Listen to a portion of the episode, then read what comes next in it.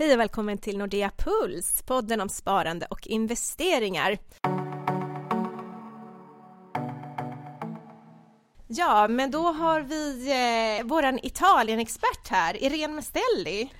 Hej allihopa och, och um, buongiorno a tutti. Uh, Irene Mastelli heter jag och uh, jag arbetar i Asset Allocation Team särskilt med uh, strategisk asset allocation. Och jag är också italiensk och vi tyckte det skulle vara bra att prata lite om det italienska valet. Det passar väl jättebra. Och med oss har vi också Mikael Levin som är eh, chefstrateg här i Nordea. Ja, eh, tack så mycket för att jag fick eh, komma hit. Det här ska bli väldigt, väldigt spännande att höra liksom från, eh, jag vet inte om uttrycket passar, men från, från hästens mun.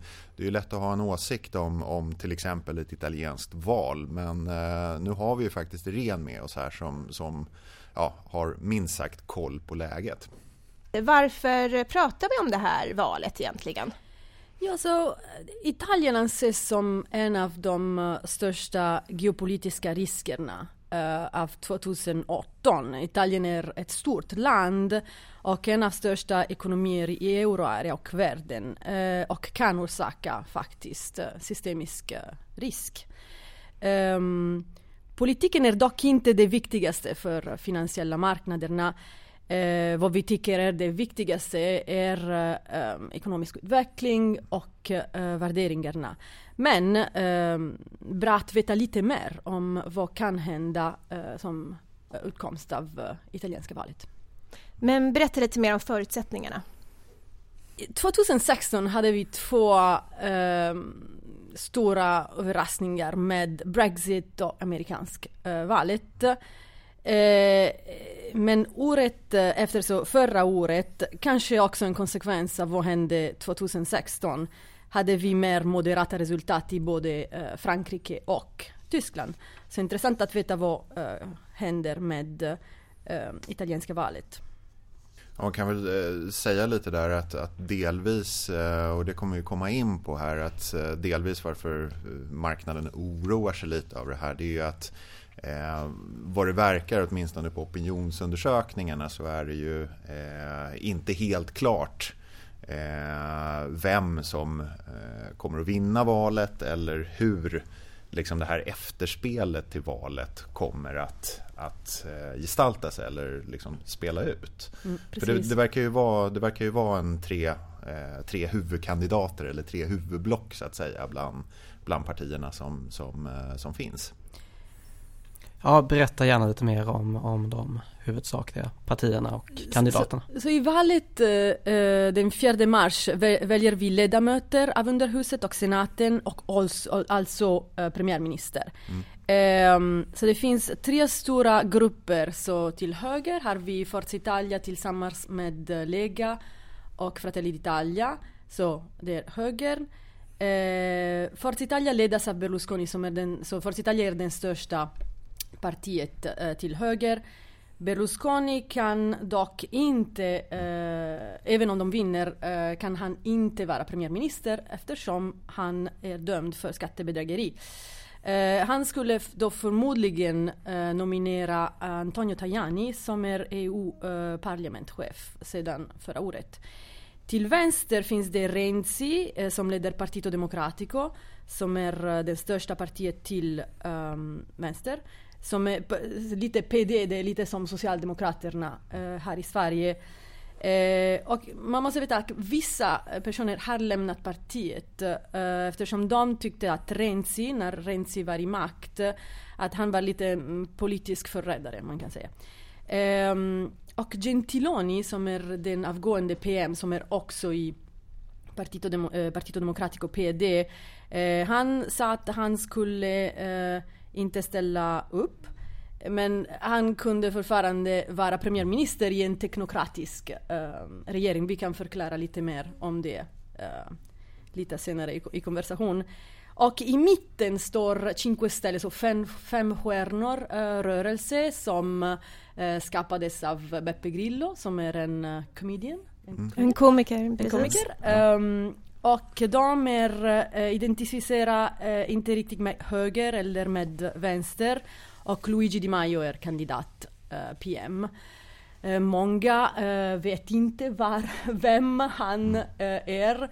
Faktiskt, man kan säga, han kom från ingenstans. Och jag vill också säga, han har aldrig haft ett riktigt jobb eller har ingen universitetsutbildning.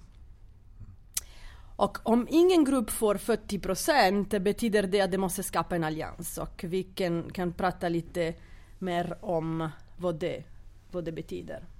Ja, vad, vad, är, vad är sannolikt där? Eh, säg att de skulle kanske få då någonstans runt ja, en tredjedel var då av, av, eh, av eh, rösterna.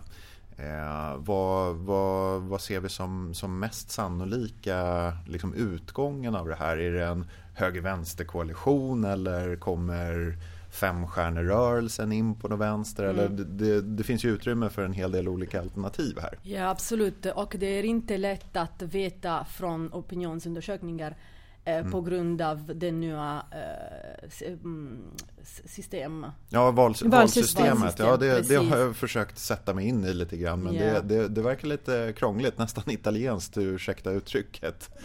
Ja, men om du ska berätta lite om det nya valsystemet, för det har inte testats tidigare, eller hur?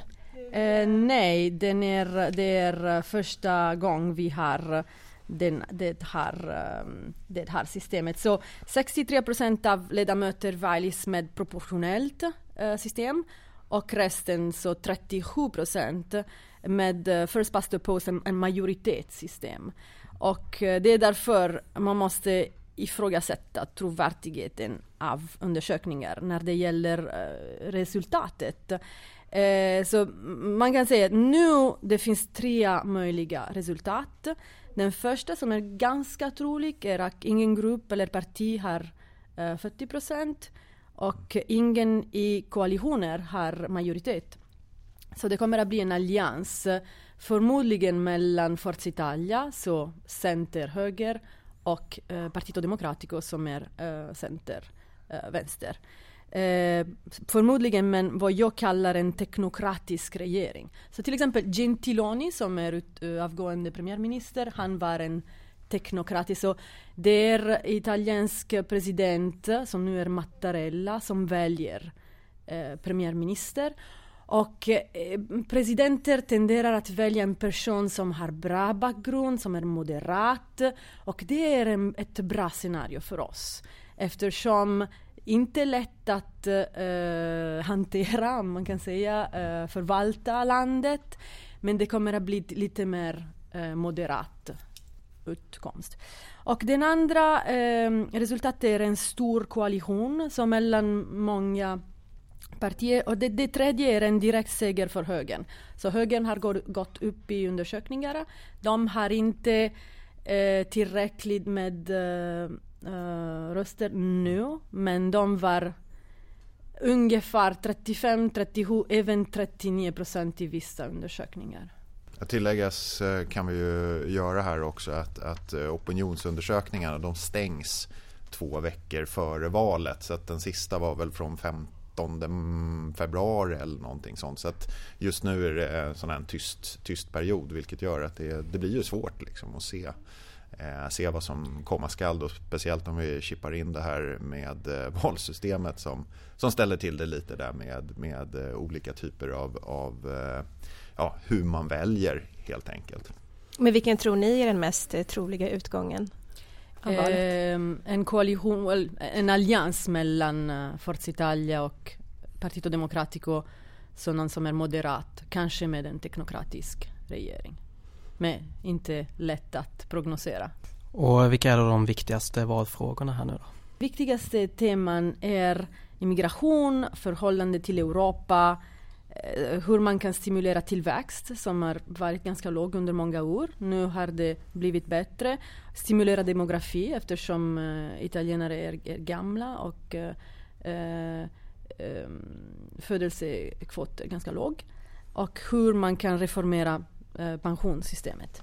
Um, inte lätt att uh, se skiljelinjen mellan höger och vänster i programmen. Uh, till exempel när uh, högern var i makt mm. var de ganska moderata och till exempel pro privatiseringar och pro tillväxt. Så men också, um, hur kan man säga, fiscally conservative, konservativa när det mm. gäller budget. Um, vad oroar mig är att alla partier verkar ha förslagit uh, en ökning av offentliga utgifter som kan leda till ökad um, uh, skuldsättning. Mm. Som är redan ganska hög.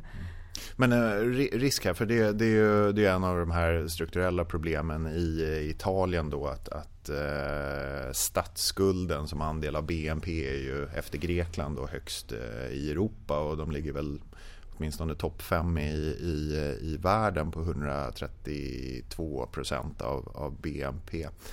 Eh, hur, eh, vad ska man säga, ska man ta det här på allvar? Att eh, det är ganska expansiva program eller eh, är det liksom valfläsk som, som inte kommer att realiseras? Det verkar som det är 90% kampanjsnack, valfläsk ja. som, som, som du säger.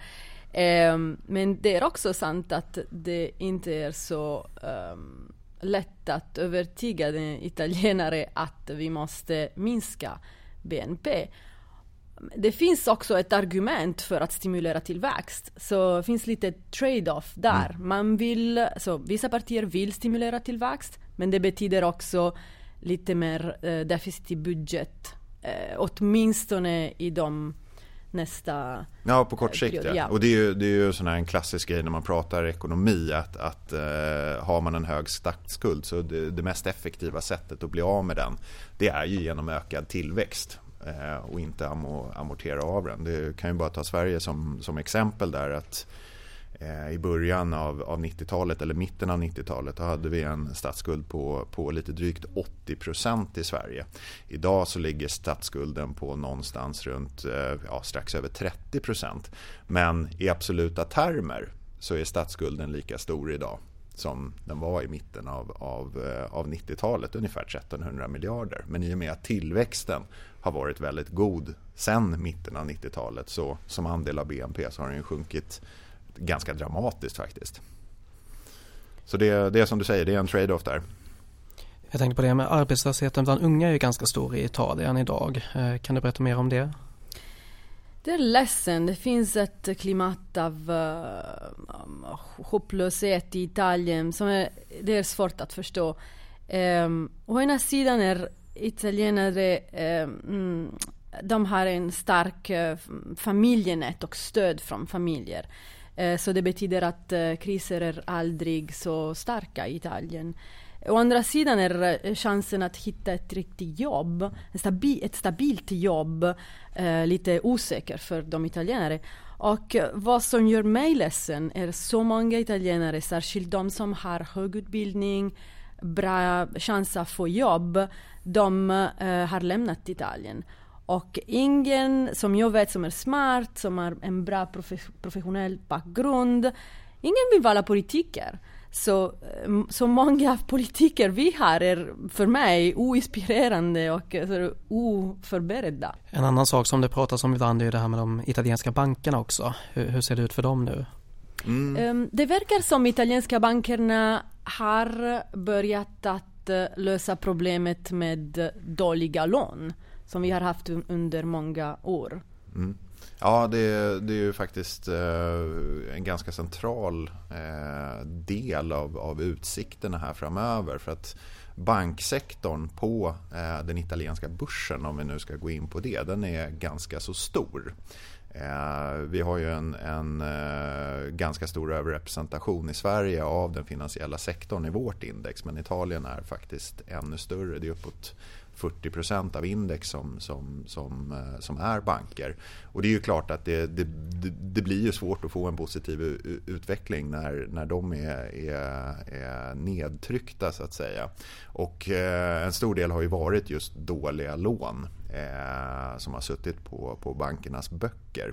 Och där har det börjat hända lite saker. Det har ju också att göra med Eh, Eh, den här politiken eh, med kvantitativa lättnader och en, en eh, väldigt stimulerande penningpolitik som, som ECB har fört. Vilket har gjort då att bankerna har kunnat sälja en hel del av sina italienska statsobligationer och istället då börjat beta av de här dåliga lånen och det har varit en eh, ganska remarkabel utveckling här eh, det senaste halvåret. Så att det börjar väl eh, se lite bättre ut och Italien kommer ju att fungera bättre om bankerna inte så att säga drar ner förutsättningarna på samma sätt som det har varit sen, sen finanskrisen. Och särskilt när vi funderar på att räntorna kommer att stiga. Så låga räntor, det tack, eh, vi måste tacka Super Mario Draghi för det. Eh, de har varit eh, ganska positiva för oss eh, som, som land. Men på visst sätt har de också stött gömma eh, vissa problem. Mm. Ja exakt, man, man skjuter ut problemet och det, det har ju varit och det är faktiskt en liten sån här vad ska man säga, säkerhetsbuffert framöver för Italien. För att det är många som pratar om att räntorna ska stiga nu och det är mycket möjligt Eh, att de gör det här framöver eh, ju längre normaliseringen i, den globala ekonomin kommer. Men vad Italien har gjort också under den här perioden med eh, ja, ECBs eh, ECBs eh, kvantitativa lättnader och köp av statsobligationer det är att man har förlängt durationen på sina obligationer, det vill säga man har gett ut nya Eh, med längre löptider och kunnat då låsa in den här låga räntenivån en längre tid. Så att på kort till medellångt perspektiv så, så, så, så, finns det faktiskt en del buffert då i den italienska budgeten eller vad man ska säga i, i den italienska balansräkningen. Så att det, det är också en sån här positiv faktor framöver vilket gör att även om marknaden då eh, tittar ordentligt på det här italienska valet så är det kanske inte just katastrofscenariot som gäller oavsett egentligen utgången av, av, eh, av valet. Jag har inte pratat om det katastrofscenario som är en vinst, en, en seger av partier som är mest eh, anti-euro. Så man måste säga fem stjärnor, Cinque Stelle som är har kanske varit den mest kritisk mot uh, Europa, uh, Europeiska unionen, har lite uh, slappt språk när det gäller till exempel EU-referendum. Och många också tycker att EU-referendum är inte är mot konstitution i, i, Italien. Men vi har tittat på resultat i Storbritannien och nu många oroar sig eftersom det, det, det, var en, en riktig debacle vad händer i, vad har hänt i Storbritannien med Brexit. Mm. Men om vi pratar lite mer då om eh, vad det här kan få för påverkan eh, på Europa och sparandet. Mm. Eh, vad säger ni där? Om vi börjar med ja, Europa helt enkelt. Vi var ju lite inne på det tidigare. Ja, eh, för oss i vår eh, strategi så, så kommer det här valet inte att påverka speciellt mycket. Eh, för att om man tar italienska aktier per se så utgör de ungefär 6% av ett europeiskt index. Så det är en ganska liten, liten marknad. Så där ser vi inte några större liksom, återverkningar oavsett egentligen, eh, egentligen utgång. Utan det är lite mer som, som Irene är inne på här att, att skulle det bli någon, någon liksom riktig eh, överraskning, en negativ överraskning att då femstjärnerörelsen till exempel skulle gå och ta hem det här. Och man får en, en annan politisk inriktning i Italien. Eh, så skulle det ju kunna vara ett sånt scenario att det börjar gå lite sämre för Italien. Och då är det en för stor ekonomi egentligen att, att eh, baila ut eller rädda. Det gick ganska bra med Grekland för det, det, är, liksom, det är 2% av BNP i Europa så det, det, liksom, det märks inte så mycket. Men Italien skulle märkas. Men återigen med tanke på då det jag sa om deras säkerhetsbuffert där på, på, på räntesidan eller på statsobligationssidan så är ju inte det någonting som, som kommer att hända på en månad eller två utan det är ju en längre process än så. Även om det skulle bli ett dåligt utfall. Så att eh, jag tycker ju att man kanske inte ska oroa sig allt för mycket i sitt sparande eller göra några förändringar bara för det italienska valet. Vår strategi ligger fast och vår syn på Europa som för närvarande är neutral eh, den kommer inte ändras av det här. Så att eh, man behöver inte bry sig så mycket om politik i sina investeringar egentligen. Ja, vi, vi har ju kört en, en hel del poddar här genom åren som, som har behandlat det här för att politik och eh, den typen av event får ju oftast i media enormt med uppmärksamhet. Det är lätt att prata om, det är lätt att relatera till eh, beroende då givetvis vilket parti man vill rösta på. Eh, men eh, min erfarenhet är eh, att rubrikhöjden är ofta större än det faktiska eller det reala utfallet på marknaderna. Det är ju ta Brexit, det var ju en sån här eh, ja, riktig jordbävning. Det var väl ingen, riktig, det var väl ingen som hade det i Eh, i, i, sina positioner att det skulle hända även om det var, eh, det var jämnt i omröstningarna.